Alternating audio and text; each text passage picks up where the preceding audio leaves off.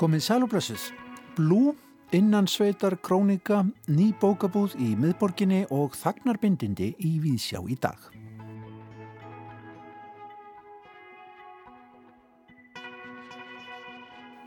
Á Gljúrasteini, húsi Nobelskáldsins Haldórs Lagsnes í Móselsveit stendur nú yfir síning um næst síðustu skáldsögu Haldórs innan sveitar króniku. Síningin opnaði í fyrra en sögum heimsfaraldurs og samkómubans reyndist það ekki beint ár sapna heimsókna og kemur hún því til með að standa áfram um nokkra hríð. Innansveitar krónika kom út árið 1970, þá voru liðin rúm 50 ár frá því að fyrsta skaldsaga Lagsnes kom út, barn náttúrunar og nú eru liðin önnur 50 ár frá því að innansveitar krónikan leitt dagsins ljós. Hönnuður síningarinnar er Þórun Elisabeth Sveinsdóttir og hefur hún stilt upp hinnum ymsu munum sem tengjast verkinu og hlýf Una Bárudóttir teiknaði jafnframt myndir á einna veggjum móttökunar með skýrskotunum í söguna. Við ræðum við Líf og Guðníu Dóru Gestóttur um innansveitar krónikum og heyrum líka í Nobelskáldinu sjálfu. Í dag eru einnig liðin 50 ár frá því að platan Blue úr smiðju kanadísku tónlistarkonunar Joni Mitchell kom út og af því tilefni verður þessi ágæta plata revið upp í viðsjá dagsins. Sumir eru jáfnvel á því að þetta sé einn besta plata sem að hefur komið út í pop heimum. Og ný bókaveslun bókaútgáðunar Sölku ofalega við hverfiskutu verður einni heimsótt og þar rætt við húsaráðendur, Dögg Hjaltalín, Frankværtastjóra og önnulegu Fridriksdóttur útgefanda. Og meira bókum Gauti Krismansson, bóka gaggrinnandi viðsjár, hann fjallar einnig um nýbakaða verðlauna, ljóðabók, höllu, þórlögar, óskarstóttur, þagnarbindindi en Halla Þórlaug hlaut á dögunum mæstjörnu fyrir bókina ljóðabókavelun landsbókasaps og ríthöfundasambands Íslands. En þáttinn byrjum við í nýri bókabúð í miðborginni. Eins og hlustendur viðsjár vita þá hafa farið fram á undanförnum árum miklar endurbætur á hverfiskutunni hér í miðborg Reykjavíkur. Ný hús hafa sprottið eins og gorkulur og ímiskonar starfsemi komið sér fyrir í þeim bland við eldri byggð Þetta sambland er oft ansi vel hernað. Í stóru myndalegu húsi efst á hverfiskutunni sem að telst vera nr. 89 til 93 hefur bókaútgáfan Salka komið sér upp nýri bókaveslun og höfustöðum. Í heimsók þangað til þess að ræða við húsræðundur um bókaútgáfu og sjálfstæða starfsemi í þeim bransa á árinu 2021. Salka tekur á mót okkur. Góðan og blessaðan daginn. Góðan daginn. Hvað segir þið? Góð. Við erum mjög svona myndalegar hérna við, við borðið. Þetta er glæsilegt. Hérna, Þetta er glæsilegt. Og íslenski fáninn og það er allt svona bara... Já. Hvað segir þið? Bara gengja góða. Jú, bara flott. Hér hjá Sölku takamótum er annarlega Freyristóttir og Dögg Hjaltalín sem að halda úti bókautgáðinu Sölku til hamingju stúlkur með þetta hérna, flotta rými. Ég var að, að, í strætó hérna, kerið hérna í strætó um daginn og leitt bara sem að gerir óvart út um, út um rúðuna og mér fannst þetta eitthvað svo útlænst. Er það ekki, er það ekki verið alltaf gott? Jú, er það ekki bara. Þetta er allavega aðeins öðruvísi en, en, en aðra bókabúður og við erum mjög stoltar af henni. Þetta er bjart og fallet rými. Hvernig hérna duttuðu nýru á þetta? Við vorum svo hefnar að hérna, bara eigendur húsins hafði sambandi okkur og þetta tekið eftir að verðum að gera skemmtilega hluti þannig að og þetta er rými þar sem við getum verið bæðið með bókabúð og lagarinn okkar og bókaútgáfuna sjálfa þannig að það hendur okkur mjög vel. Ég fór hérna nýri kellarinn með ykkur áðan, hann, hann er hansi myndalegu kellarinn, hann að þær komast nokkra bækur fyrir. Já, það, hann tekur vel við sko og hann, hann hérna hjálpar okkur líka, hérna við erum með skrifstofu þar og smá leikrými og púlborð og svona til þess að styrta okkur stundi líka. Nú er þetta orðið frekar ráðsett hérna kompani, sem að tala nú bara meint út. Eh, komin, hvað, 20 ár, rúm, 21 ár, stopnaðu aldamóta árinu, 2000 svelka. Ef við rifjum bara upp þá sögu, hvað, hérna, hvað kom til á sín tíma að það var farið í það að stopna sölku? Við komum sko að sölku fyrir 5,5 ári Þetta var stafnað af konum, tveimur konum sem voru reyndar í bókaútgáfu og þeim fannst vanta eitthvað svona bókaútgáfu sem sérhæði sig í bókmyndum og, og bókum fyrir konur Já. og eftir konur. Það er hugmyndafræðina baki, að, hérna, að, breyka þann garð. Já, í raun og veru, sko. Þeim varst kannski svona kallmenni svolítið svona ráðandi í bókaútgáfu og þannig að það er eitthvað svona arfleið sem við höfum bara haldið á lofti Já. frá því að við komum að fyrirtækinu, sko. En fyrir ykkur sem komið að því svona eftir á, að, að sjáu því að þetta hafi haft árangur á sínum tíma? Já, heldur betur. Við finnum vel fyrir því og hérna, við erum mjög stoltar af, af þessari arleið. Þótt að sé, við gefum líka út bækur eftir kallmenn og, og vinnum líka með kallmennum en, en það hefur axlast þannig að við höfum unnið mikið með konum, bæði sko, sem höfundum, hönnuðum, próforkarlesurum og, og bara alltaf og svo erum við náttúrulega við konur líka og Náttúrulega Ljósmyndarar og, já, bara mjög mikið. svo gott að vinna með konum. Það eru náttúrulega, já, já, akkurat dugnaða fólkar oft í þessu. Ja. En sko, ykkar áherslur í þessu síðan þegar þið komið að þessu, hvað, hvað, hérna, hverjir hafa þær verið? Það eru mjög einfaldar. Það er bara að vinna með skemmtilegu fólki Það er og bara gefa út skemmtilega bækur. Það er bara þannig. Og það hefur reynst okkur mjög vel. Í hverju hafið aðalega verið að, að, baksa? Við hefum verið í öllu bara frá barnabókum yfir í skáldsögur, matræslubækur, þýttumbókum, bæði fræði og, og þú veist, bara ljóðasöfnum. Já. En við erum mjög hrifnar af bókum sem að eiga sér gott framhaldslíf. Við teljum að bækur renni aldrei út á tíma náttúrulega og við erum mjög hrifnar af bókum sem að, sem að geta átt erindi ár eftir ár og það hefur líka verið svolítið stefnan hjá okkur. Sko, þessi búð, hún er náttúrulega í þeitt einu af þessum nýju húsum sem að breyta aldrei borgarmyndinni. Þegar maður sér það, þetta er, þetta er öðruvísi búðagluggi en er viða annar staðar, hérna í miðborginni. Hvernig finnst ykkur svona lífið við hverfiskutunum vera að þróast? Það er bara afskaplega gott. Það er mikið af fólki sem gengur hérna framhjá og svo stoppa strætun alltaf hérna einmitt eins og beint fyrir utan og okkur finnst borgarlífi bara mjög skemmtilegt hérna.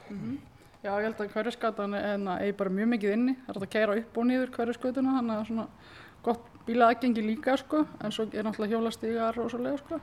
Flott fyrirtæki að koma hérna, bæði veitingastæðir og svo er nú hérna blómabúð við hliðin á okkur sem er náttúrulega mjög vinarlegt og góði hyrðirinn beint á móti og þannig að Við þetta er allt. setjum nú á stólum og góða herðinu. Já, já, já, jú, jú, jú. Við vestum bara á hverjuskötunni. Það er svona, það er alveg haldað í sinni heima byggð hérna, sínu. En hver er svona hérna núna, hvað er það nýjasta frétta af sölku? Við vorum að gefa út, sko við erum búin að gefa út nokkra bækur á árunu, það nýjasta eru Göngulegður á Hálendinu eftir Jónas Guðmundsson og, og, og Stór og mikil grillbók eftir Viktor og Hinrik í Sælkerabúðinni. Svo erum við að gefa út hana Lóu Hlín og Erlu Björs með Sveppdagbók og Ingibjörg og Hjartar, Jarðvísindakona Deyr, afskaplega skemmtileg skáldsaga. Þannig að það er ímislegt svona og svo núna er svona komin kannski smá pása fram á haust í sko útgáfu, nú erum við bara að vinna hérna í, yfir svona, já, já. lesa yfir og vinna í að, að, að hérna, já, og náttúrulega að sinna bókabúðin okkar. Já. Hvað er það svona við? Af því að, ég menna, maður er alveg hissa stundum á hérna, bókaútgáfu í Íslandi og fjölda bóka og fjölda mér þess að útgáfu húsa og, og hérna, bókaforlega og fólk sem að baksast í þessu. Hvað er það við þennan bransa sem heillar ykkur tvær? Þetta er bara svo skemmtilegt og fjölbreytt og þetta er svona allskins. Þú veist, maður kannski er að lesa einmitt göngulegar á hálendinu þá sekkum maður sér onni í eitthvað texta um einhverju fjöll á fyrirndindi og svo bara, þú veist, viku setna ertu komin í einhverjar grilluskrittir Já. og svo ertu að hlæja bröndurinn menna lóu og þú veist, gera eitthvað og svo ertu líka að skapa eitthvað og gera eitthvað, þú veist, fallega muni sem að eru komin til að vera. Það skiptir alltaf máli að halda í að, að handleika. Já, okkur finnst það og þess vegna höfum við líka reynd að hafa bækunar okkur svolítið vel úr, úr garði gerðar þannig að það sé gott að handleika þér. En það er einmitt eins og Dögg segir, þetta er eiginlega hver bók er, er sinn eigin heimur og þú ert aldrei að fástu það sama í vinnunni þótt þú sért að, að hérna, vinna að bókum allan daginn. Og svo núna náttúrulega opnum við bókabúðin og þar erum við að selja frá kollegum okkar líka, hinnum útgefandunum á Íslandi sem eru líka að gera góða hluti þannig að þetta bara vikar enn, enn meira heimurinn okkar við það. Stemdu þið í þennan heim, útgáfu heim? Svona persónlega, príót persónlega? Nei, við erum byrjum báðar í bóksölu og svo förum við yfir í veist, það var svona einmitt á tímapunkti fyrir hérna, einmitt sex árum áður en að keftum sölku, þá var ég svona að velta fyrir mér hvort að, hvort að maður ætti bara að gefa út, byrja bara á einn og einni bók en svo einmitt fréttu við að salka væri til sölu og þannig að, að þá var það mjög hendur að stökka á þann vagn sko. það var svona einfaldara kannski að byrja þannig. Ég var aðeins búin að, ég var í íslensku í, í háskólanum og var aðeins búin að þreyfa fyrir mér með hérna, samnefnundum mínum þar. Við prófum að gefa út nokkra bækur á sínum tíma þannig ég hafði alltaf haft mikinn áhuga á þessu en svo kynjumst ég og Dögg í bókabúmáls og menningar og, og þetta bara var blómlegt samstarf út frá því. Þetta er, þetta er aldrei mikið, maður sér þetta, þetta fólk sem að er í bókaverslunum, maður sér nýja andliti í bókaverslunum og þau, þau svona fara á ymsa staði, þetta, er, þetta er pínu bakterja. Já, Þú ert náttúrulega þar í beinum tengstum líka við sko viðskiptavinin og þú finnur nákvæmlega hvað vandar á markaðin þegar þú ert búin að svara sömu spurningu nei þessi bók er ekki til og þá veistu að kannski ætti bara einhver að gera þessa bók og þá svona er þetta kannski næsta skref Ég byrjaði náttúrulega í viðskiptabókunum, sko, opnaði viðskiptabókabúð Já, og fór svo inn í mála menningu með þá bókabúð. hvar, hvar, hvar var hún? Hvernig? Hún var alveg að við, skuld hétum. Gott nafn. Já, nú erum við útgáðu svo verðandi. Já, en, en það var ekki nót þess að, það var ekki nót þess að hérna, haldi núti, þannig að hún hefur runnið inn í hana. Já, hún rann inn í mála menningu. En í skuld, allt í skuld. en býtu, útgáfu húsið verðandi, segja ykkur eins og því. Það er raunverulega Það, er það hluti af, af sölku? Já, Já. það er raun og veru nafnið á fyrirtækinu sjálfu. Já. Þannig að, Þannig að nú vantar okkur eitthvað kannski urður og við þurfum að finna eitthvað til að gera með það nafn. Já, já, þetta er allt mjög svona, já, þjóðlítið gott. Já, en verðandi, er, hver er áherslan þar í, í því útgáfu húsi? Það er bara salka. Það er Salka. Það Já, er já, Salka. það er salka, já. Það er bara nafnið á fyrirtækinu sjálfu. ef við myndum og- senda þig reikning þá myndur við sjá þetta í heimabankanum. Þetta er svona skúfur. Nei, En við vildum halda sko að gefa út undir nafni Sölku að því að það nafn var bara orðið þekkt og, og, og, og fólk þekkt að það var góðu. Þannig að En hér í þessar búð, hér er ekki bara bækur, sér, sér maður strax, ekki bara ykkar hérna, bækur. Þetta er svona það sem að, þetta er dálítið rjómi sem þið veljið hingaðin? Já, við hérna, jú, við völdum að því að við erum nú hrifnar einmitt af, af þessum síkildu bókum, þannig að hér inni finnum við alla svona þessa klassísku titla sem þurfa að vera til í bókabúð, á sann náttúrulega nýju og nýlegu og svo erum við með erlenda bækur líka, erum að bæti í það úrval. Algjörlega. En svo er náttúrulega ykkar, ykkar efni í, í andvegi, þetta. Eða svona. Já, Já, það er svona kannski bara núna því að við erum að fylla í allar heillur. meðan við böndum meir inn. Já, einmitt, nákvæmlega. Það er svona, að við erum að vika úrvalið. En hinga getur fólk komið og, og s- skoða bækur og sest niður í róleitum og, og, hérna, og svona ætlunni að þetta sé svona smá centrum fyrir, fyrir bókaundir. Já, við erum að sækja um hérna, sem sagt, vinnvitingaleifi. Þannig að þá eru hérna hægt að setja sniðu með rauðvinn og lesa ljóð og eitthvað svo leis. Og stefnan er að hafa mikið af viðburðum hérna innan hús, hvort sem það séu upplæstarar eða kynningar eða viðburður fyrir börn, það getur verið allt frá krakkajóka yfir í upplæstara eða hvað sem er. Svo náttúrulega öll okkar útgáfuhóf og sem við höldum náttúrulega tals, talsvert af og þannig að hér á að vera líf. Þetta er svona félagsmiðstöðin hjá Sölku. Já, Já. hvað langar til að hafa. Já. Ég segi bara til hamingjum með bókabúðina og takk fyrir að taka á móti mér og hérna gangu vel með Sölku bókaverslun við hverfiskötu, hvað var það? 89 til 93. 89 til 93. Já. Já. Þetta er- þetta er eins og höfustöðar banka. En takk hérlega fyrir spjallið og gangu vel. Takk kærlega. Þannig var rætt við Dögg Hjaltalín framkvæmdastjóra og Önnulegu Friðriksdóttur útgefanda hjá Sölku um nýja bókabúð Sölku efst á hverfiskutunni um að gera fyrir bókelskað leggja leið sína þangað. En þá hugum við að 50 ára gamalli plötu í raun meistarverki. Tómas Ævar Ólafsson hefur verið að hlusta á þessa endumisnild.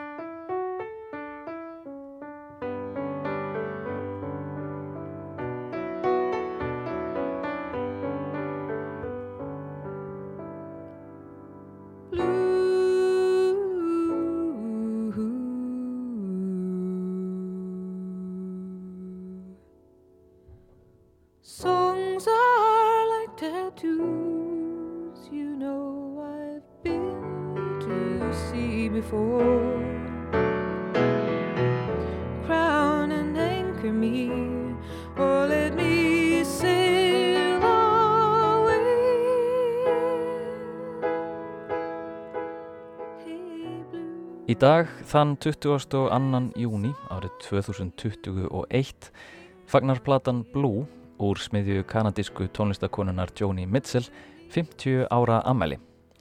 Í tilefni af því kemur út sérstöku við hafnar smáskífa frá Joni Mitchell sem inniheldur tvö áður óútgefin lög eftir hana sem áttu upphaflega að koma út á Blue en við hafnar platan inniheldur einnig þrjú lög af plötunni Blue í áður óútgefnum útgáfum. Við þetta bætist síðan vegleg endur útgafa á fyrstu fjórum plötum Joni Mitchells í sérstöku setti. Allt verður þetta aðgengilegt í næstu plötuveslun en líka á streymisveitum. En af þessu ágæta tilefni langar mig að hverfa aðeins með ykkur aftur í tíman og rifja upp þessa mögnuðu plötu hér í Víðsjá. Everybody's saying that hell's the hippest way to go. Well, I think so, but I'm gonna take a look around at the blue. I love you.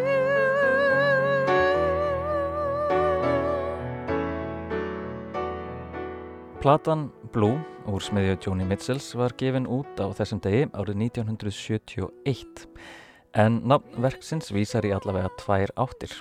Blái liturinn táknar eins og svo oft áður sorg en á sama tíma táknar hann líka bláinn eða buskan. Á þeim tíma sem tónlistakonan samti flest lögin fyrir plötuna Blue var hún að syrkja ástarsamband við tónlistamannin Graham Nash en hún var líka rókin út í bláinn flógin yfir bláa hafið til Evrópu í leitað andrými frá þeirri miklu pressu sem hafi fyllt útgafu og eftirfylgni hennar fyrri platna. En um það leitið sem hún er að klára Blue, komin aftur til bandaríkjana úr Evrópuferðalæginu, þá byrjar hún nýtt ástaræfintýri með öðrum tónlistamanni, James Taylor. Þessi söguþráður afhjúpar sig í lögunum á plötunni. Í lögunum My Old Man, River og This Flight Tonight er Joni Mitchell á leiðinu út úr ástasambandi en leifir sér að dvelja í eftirsjáni. Þannig mætti segja að þessi plata sé svo kvöldu break-up plata. En í lögum eins og Carrie, California og titilverki plötunar, Blue, glittir í nýjar ástir og þá miklu gleði sem þeim fylgir og því var hægt að flokka plötuna sem plötu um nýfunna ást líka. Inn í þetta mengi fléttast síðan æslafull ferðalög en rauðið þráðurinn í gegnum verkið er í orðum Joni Mitchells rótæk sjálfskoðun. Á plötunni Blue söng ég nánast enga óeinlæga nótu. Á þessum tímapunkti í lífi mínu var ég ekki með neinar varnir uppi. Mér leið eins og sellofani utan af síkaretupakka, leið eins og ég hefði alls engin leindarmál að geima og ég gæti með engu móti sett mig á svið sem sterka mannesku, hvað þó hamingjusama. En kosturinn við tónlistina var sá að í henni voru heldur engar varnir uppi. Sagði söngkonan Joni Mitchell í viðtali við bladamannin Cameron Crowe fyrir tímaritið Rolling Stone. Í sama viðtali segir hún að platan hafi orðið til á flekaskilum í lífi hennar, þessum tímamótum, þar sem rými skapast fyrir okkur sem manneskjur til að uppgöta að við erum eiginlega algjörir fáiðar þegar við fáum óþægilegt sjónarhorn á okkur sjálf sem afhjúbor okkur sem ekkert sérstaklega góðar manneskjur. Og við sitjum þar að leiðandi uppi með okkur sjálf og þurfum að vinna í okkur, endur forita gildi okkar og henda burt á unnum personu eiginleikum sem eiga kannski ekki erindi við sjálf okkar. Og þannig mótu við okkur upp á nýtt. Öll þessi viðfangsefni koma strax í ljós á fyrsta lagi plötunar All I Want. I am on a lonely road and I am traveling, traveling, traveling, traveling, looking for something. You some, I hate you some, I love you some. Oh, I love you when I forget about me. I wanna be strong, I wanna live alone, I wanna belong to the living. Alive, alive, I wanna get up and drive, wanna wreck my stockings in some jukebox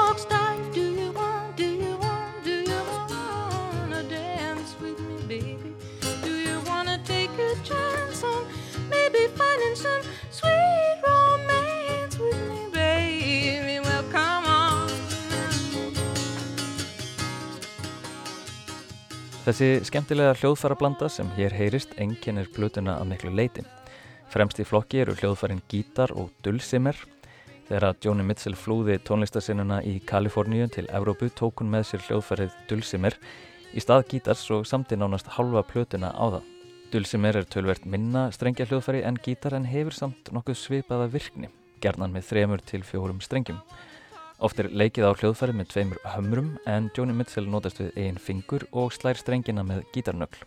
En svo nótkunn á hljóðfærinu á ættir að reykja til Appalachian fjallatónlistar í bandaríkjunum. Hljómur hljóðfærisins minnir á gítar en er einhvern veginn málmkendari eins og má heyra glögt í upphafið þessarar áður óútgefnu útgáfu af læginu Kalifornia.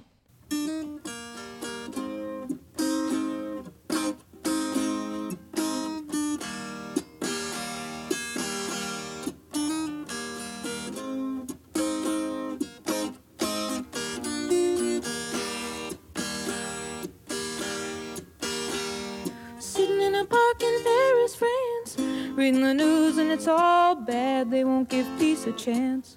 That was just a dream some of us had. Still a lot of lands to see, but I wouldn't want to stay here. It's too old and cold and settled in its ways here. Oh, but California, California, I'm a coming home. I'm gonna see the folks I dig. I'll even kiss a sunset pig. California, I'm a coming home.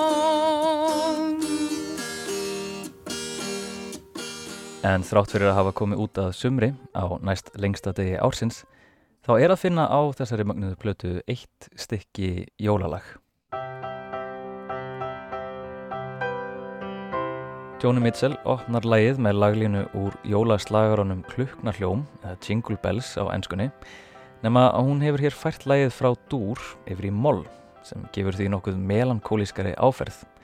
Jólin nálgast, Jóni fylgist með fólki skreita hýpili sín og undirbúa hátíð ljósins, en það eina sem henni langar er að komast burt.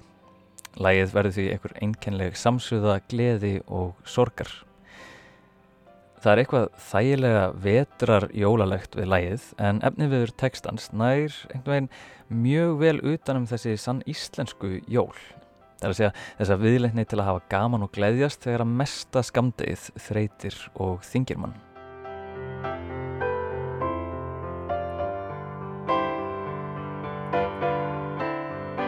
It's coming on Christmas, they're cutting down trees, they're putting up reindeer and singing songs of joy and peace. Oh, I wish I had a river I could skate away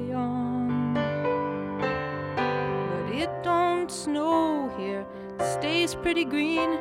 I'm gonna make a lot of money, then I'm gonna quit this crazy scene. I wish I had a river I could skate away on. En á plötunni Blue er lag sem sýnir og sannar vel þá staðhafingu Joni Mitchells að hún hafi ekki verið með neinar varnir uppi við gerð plötunar. Henni hafi liðið eins og sellófanni utan á síkrættupakka og verið fullkomlega einlæg. En það er lagið Little Green.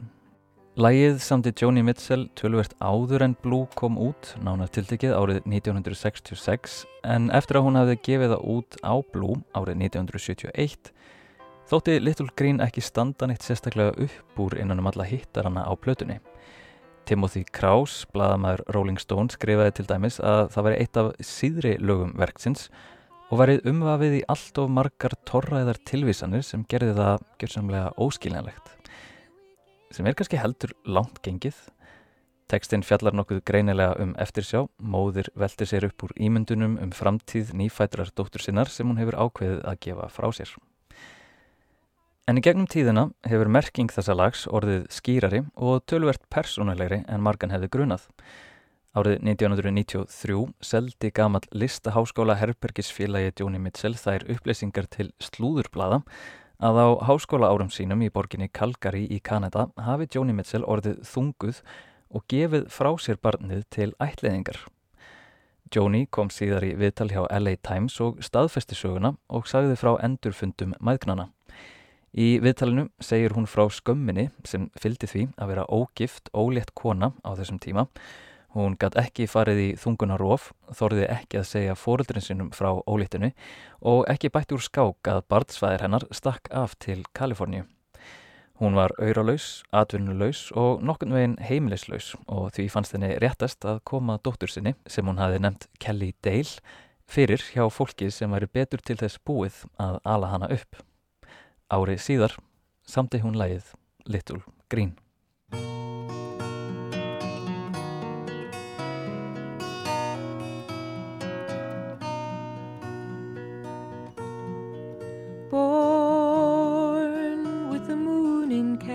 Cancer.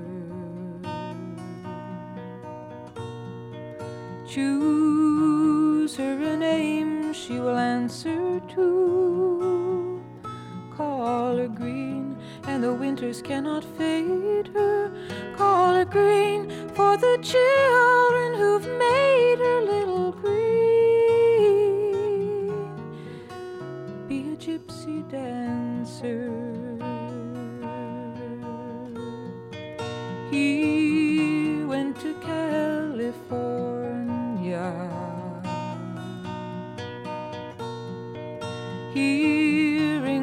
Everything's warmer there. So you write him a letter and say, Her eyes are blue. He sends you a poem, and she's lost to you. Little green, he's a non-conformer.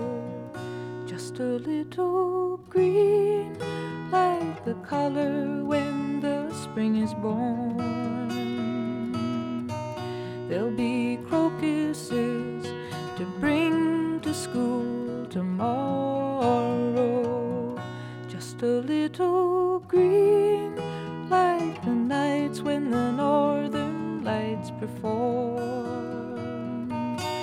There'll be icicles and birthday clothes, and sometimes there'll be sorrow.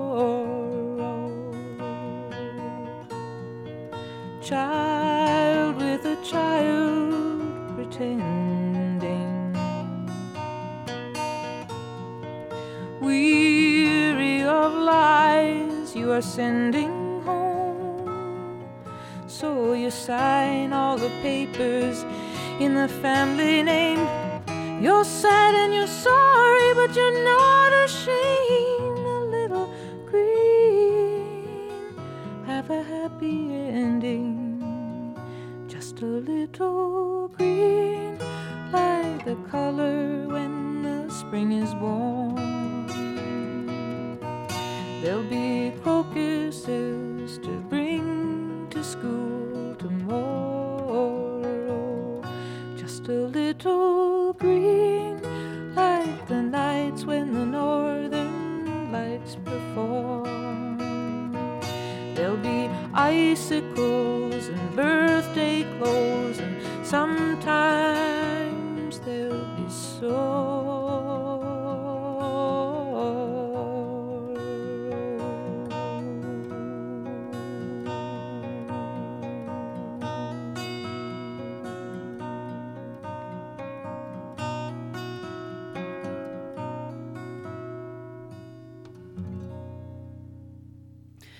Lægið Little Green eftir kanadísku tónlistakonuna Joni Mitchell en það kom út fyrir sléttum 50 árum á plötunni Blue. En þá ætlum við að huga aftur að bókum. Gauti Krismansson, bóka gaggrinandi viðsjár, hefur verið að lesa ljóðabókina Þagnarbindindi eftir Höllu Þórlu Óskarsdóttur. Halla hlaut á dögunum Mæstjörnuna, ljóðabóka velun Landsbókasaps Íslands og Rítuhundasambands Íslands en hún fekk einnig nýræktarstyrk frá miðstöð íslenskra bókmenta til þess að vinna þessu verki sem vakið hefur nokkra aðtikli. Við skulum aðtöða hvað Gauti Krismansson hefur um þessa bók að segja Þagnarbindindi eftir Höllu Þórlu Óskarsdóttur. Þögnin er til margra hluta nýtsamleg, góðra og vondra. Við þegjum stundum til að ná stjórn og hugsunum okkar, stundum af skömm, stundum til að bæla niður tilfinningar, stundum til að njóta augnabliks sem annars færi til spillis. Margar þessara þagna er í þessari ljóðsögu sem heitir eftir leik barna sem leikin er eða var til þess að sjá hver hefur mest af stjórn á sér, býst ég við. Þessi prjásaljóð rjúa hins vegar þögnina, innrið þögnina, til að komast yfir sársöka sínist mér. Sársöka vegna móðurmissis, sambandslita fyrst og fremst, en einnig annar augnablika sem ljóðmalandi endurskoðar í minningum sínum af mikilli innlægni með eftirsjá og sjálfskakrinni.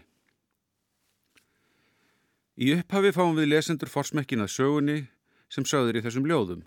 Það sem ljóðmælandi segir okkur að hér séu tilvutun hefst kaplar um mæður og það eru kaplar um dætur, kaplar um konur og kaplar um þig.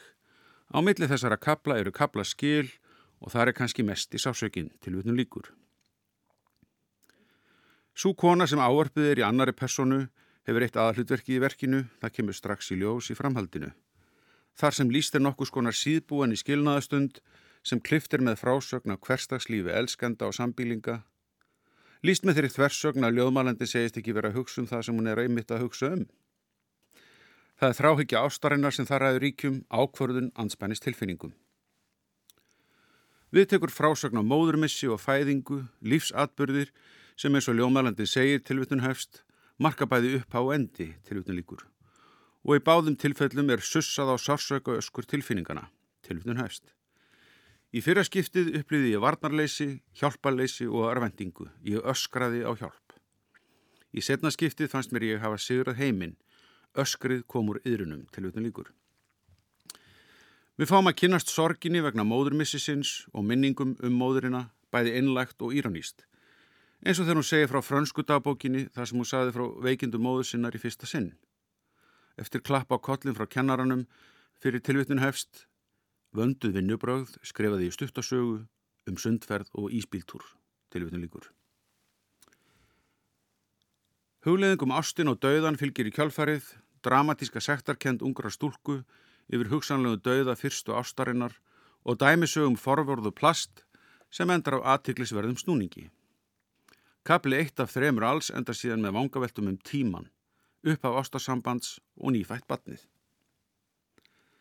Þessu örfáðu dæmi sína vel breyttina í þessum hárfína prósa, hvernig höfundur lætur hugarstremi ljóðmæland að vinna áfram í margar áttir en tengir allt saman þannig að lesendur skinja og finna lífið í þessum teksta.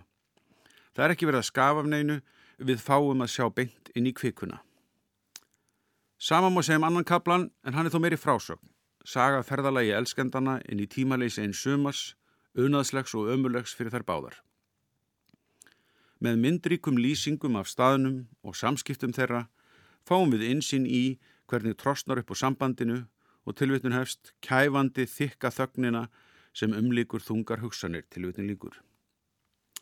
Við förum yfir ósætti, uppgjör, breyskleika hinnar manneskunar og lokk sambandslítin sjálf.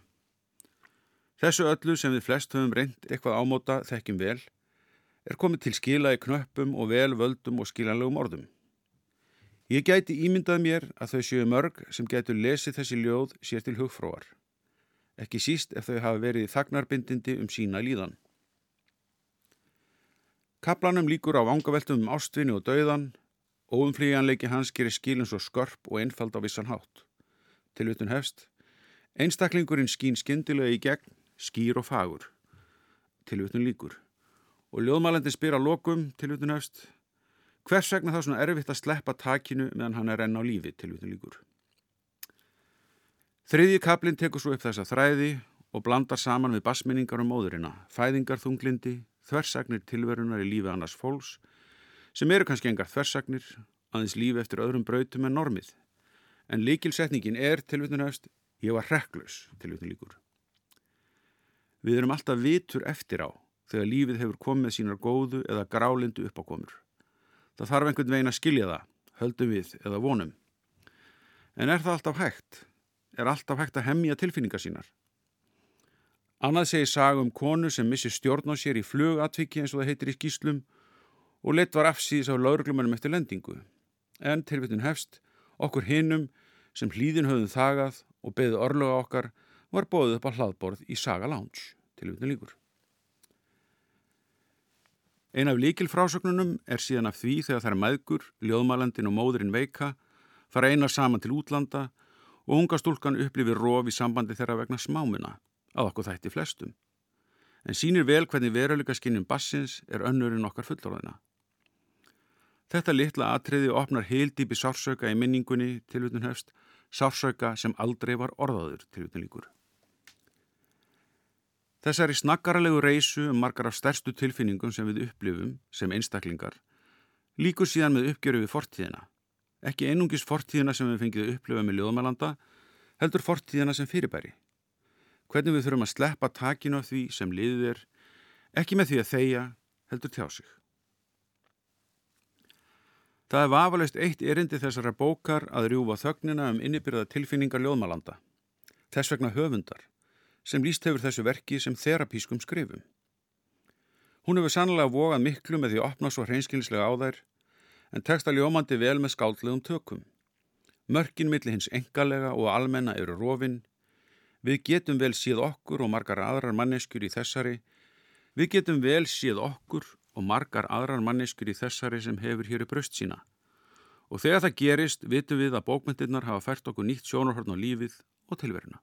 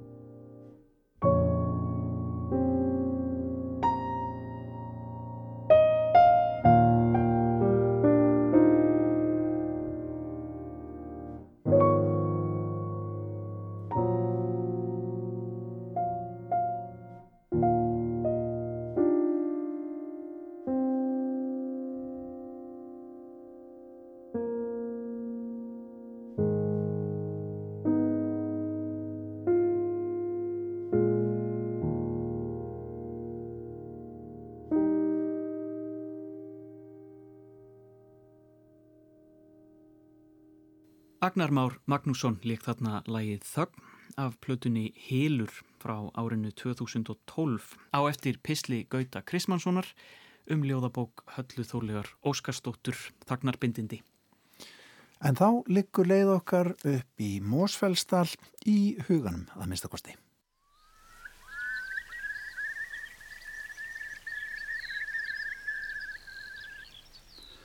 Haus Egil Skallagrimssonar Þegar þjóðhetja Íslands og höfðskáld Egil Skallagrimsson hafði um skeið byggt haugsinn í Mósfellsdal nær þjóðbraut þar sem heitir í Tjaldanesi, eftir því ferðamenn tjaldar þar. Þá kom kristni í landið. Á þessum stað koma tvær ár saman og falla í einu lægi út úr dalnum millir hára bakka. Voru nú bein skáldsins tekin upp og færð úr hauginum til kirkju þó skáldið hefði verið heiðin maður. Svona hefst innansveitar krónika eftir Nobelskáldið Haldur Lagsnes, næst síðasta skáldsaga höfundarinn sem kom út árið 1970. Á þeim tíma voru rétt rúm 50 ár frá útgáfu fyrstu bókar Lagsnes Bars Náttúrunar og í fyrra voru 50 ár frá útgáfu innansveitar króniku. Af þessu tilefni var opnuð síning að gljúfrasteini sem enn stendur yfir en það voru opnunartímar húsins takmarkaðir sökum samkomubans. Síningin dregur fram sögusvið og personur innansveitar króniku á myndarannan hátt.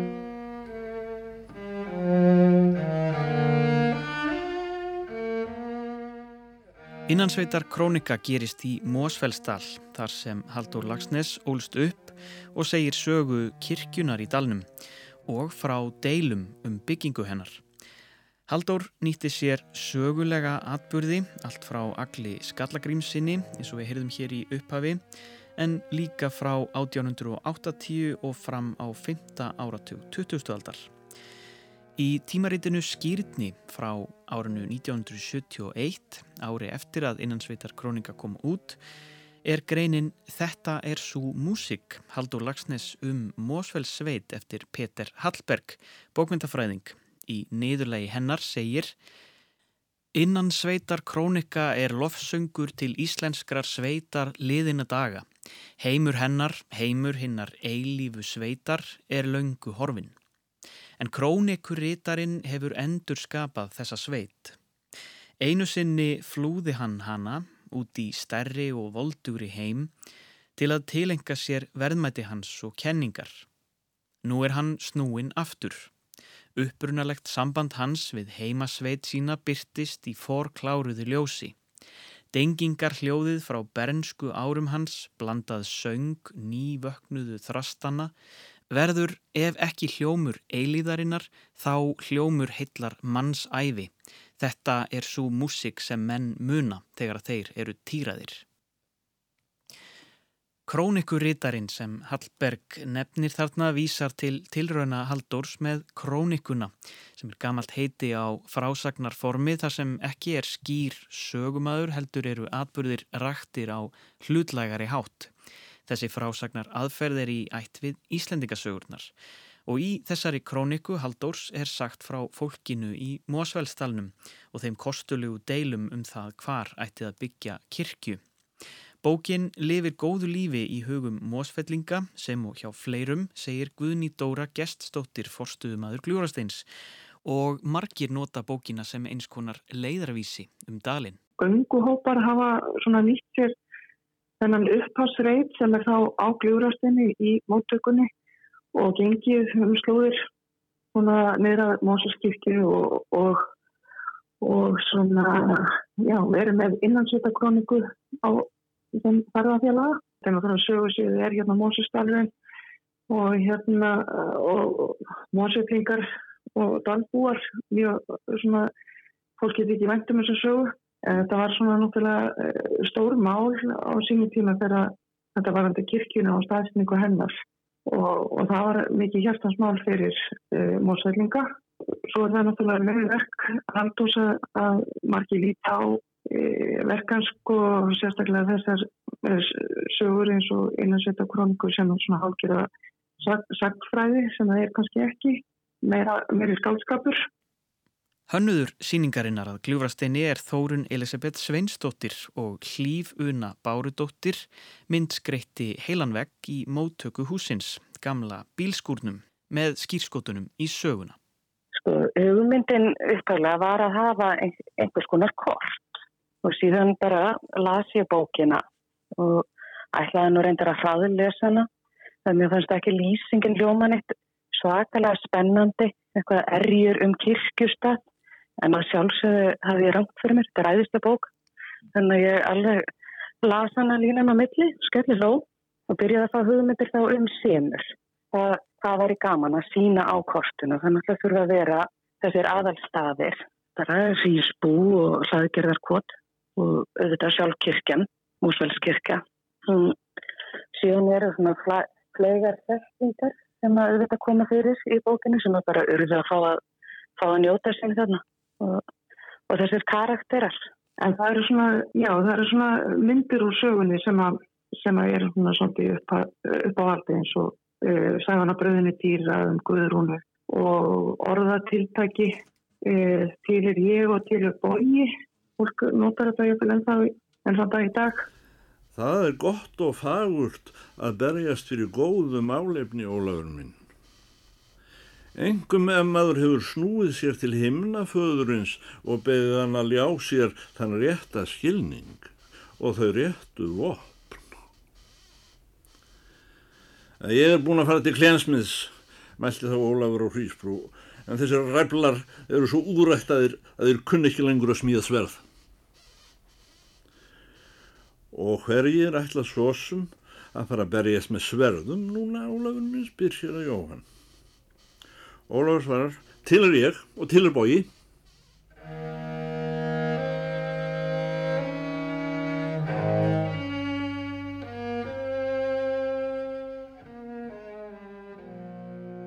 Hlýf Una segir að við gerð veglistaverksins á gljúrasteini hafi sjálft húsið verið mikill innblástur.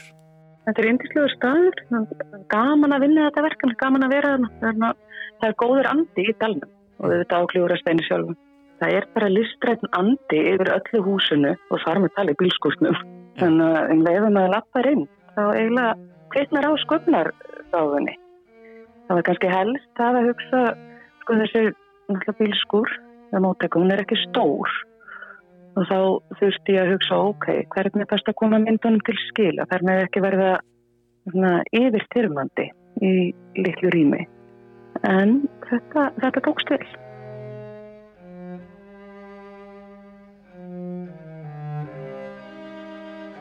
Sérstakur vefur tilengaður innan sveitar króniku var opnaður fyrir nokkrum árum Þar er hægt að kafa djúft ofan í söguna og finna fróðleg um sögusvið og personur auk þess sem bókin í heilsinni er bæði aðgengilega á rafrænu formi og sem hljóðbók í lestri höfundar. Markmiðið með vefnum var að miðla skáldverki eftir Haldur Lagsnes á nýstáleiri hátt en áður hafi verið gert og varpa ljósi á tengsl verka hans við heimasveit skáldsins, Mósfellsveit.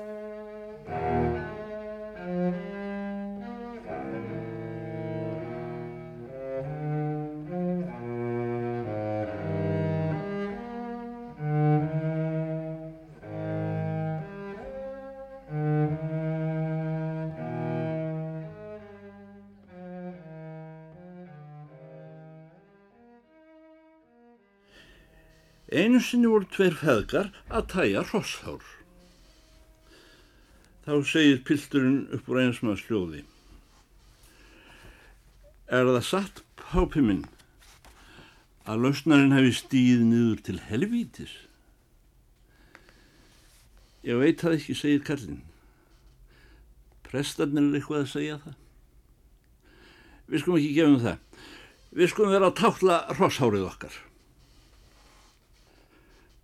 Árangurinn af þessum undirskrifta leiðangri sem var fullur á guðfræðilegri skemmtuna allan daginn og langt fram á kvöld var því þetta skuld sá þar sem tveir öðlingar áttu í hlut annars vegar að allir menn skrifuð undir það sem þeir höfðu ímist þumbast við eða greitt aðkvæði gegn fyrir nokkrum dögum. Einstökum aður skrifaði undir með þeim fyrirvara að saminning kirkna myndi vonandi ekki verða fyrir eftir nokkur ár þegar þeir með veru dauðir sem nú lifa og sögðust setja hér nafn sitt í þeirri vísa von að brátt færi nú að líða að þessu. En hvort vekja var að allir vissu nú að kyrkja þeirra stóð höllum fæti gagvart vilja Guðs og manna og horki orðin í eigðar máttu sín gegn sköpum sem ofangreindri kirkju voru búin. Það mýkti hörku örlaga dóms að heyra á fortölur góðramanna í málinu og þurfa ekki að hlýða valdbóði. Hitt var meira vafamál, hvort sá var nokkur er þar liði nafn sitt undir af raukum skynseminar. Kolbinni Kollafyrði hefur líst í brefi heimför sinni þetta kvöld, er þeir sér að Jóhann hafðu kvaðst eftir afreik dagsins. Ég reið sem leið liggur yfir skriðuna um kvöldið og, og um á hrísbrú, skrifar hann. Hrísbrúingar stóð á hlaðstjettin og voru að dittað ambóðum. Jæja, segi ég. Nú er betra að fara að skrifa nafni sitt Ólafun minn. Það er allir komnir á blað. Ólafur segir. Ég hef aldrei skrifað. Skrif ekki og mun aldrei skrifa. Minn haus liggur á Mósfelli. Það er haus Egil Skallagrimssonar sem Mósfells prestar stálu. Sá haus skal aldrei brotna. Og hvað heldur þú bói minn? Heldur það að þú skrifir ekki? spyr Kolbeint sóknarformaður. Bói svarar. Ég teimundur honum föður mínum ef hann skildi þurfa að skrepp á bæi. Það var Haldur Lagsnes sem las þarna úr innan sveitar króniku frá 1970, hljóðritun frá 1978. Fyrir áhuga samastendu nú yfir síning um bókina að gljúrasteini og verður hún fram á haust. Þess má líka geta að á rúf.is og í rúf appinu er að finna heilan hafsjó af útarpslestri Haldurs á verkum sínum svo sem Gerplu, Atomstöðuna, Brekkukots annál, Kristni Haldundur Jökli og margt, margt fleira. Við mælum með því að fólk skelli Nobelskaldinu í eirun í sumar. Heldur betur, það má lengi svamlið þessu og stórkostlegt að heyra skáldið lesa verk sín. En svona ágættu hlustendur ætlum að ljúka við sjá dagsins. Við verðum hér aftur á morgun í dagskrára ásar 1 klukkan 16.05. Appið sem að Jóhannes nefndi hér má nota svo sem ímislegt meðlans að hlusta á alla viðsjárþættina ef út það er farið. Við erum líka á Spotify í hlaðvarpsveitum og svo framvegis og svo framvegis. Þannig að það er bara, já, engin undan komin leið undan viðsjó ef út það er farið. en bestu þakkir fyrir samfélgina í dag. Verðið sæl. Verðið sæl.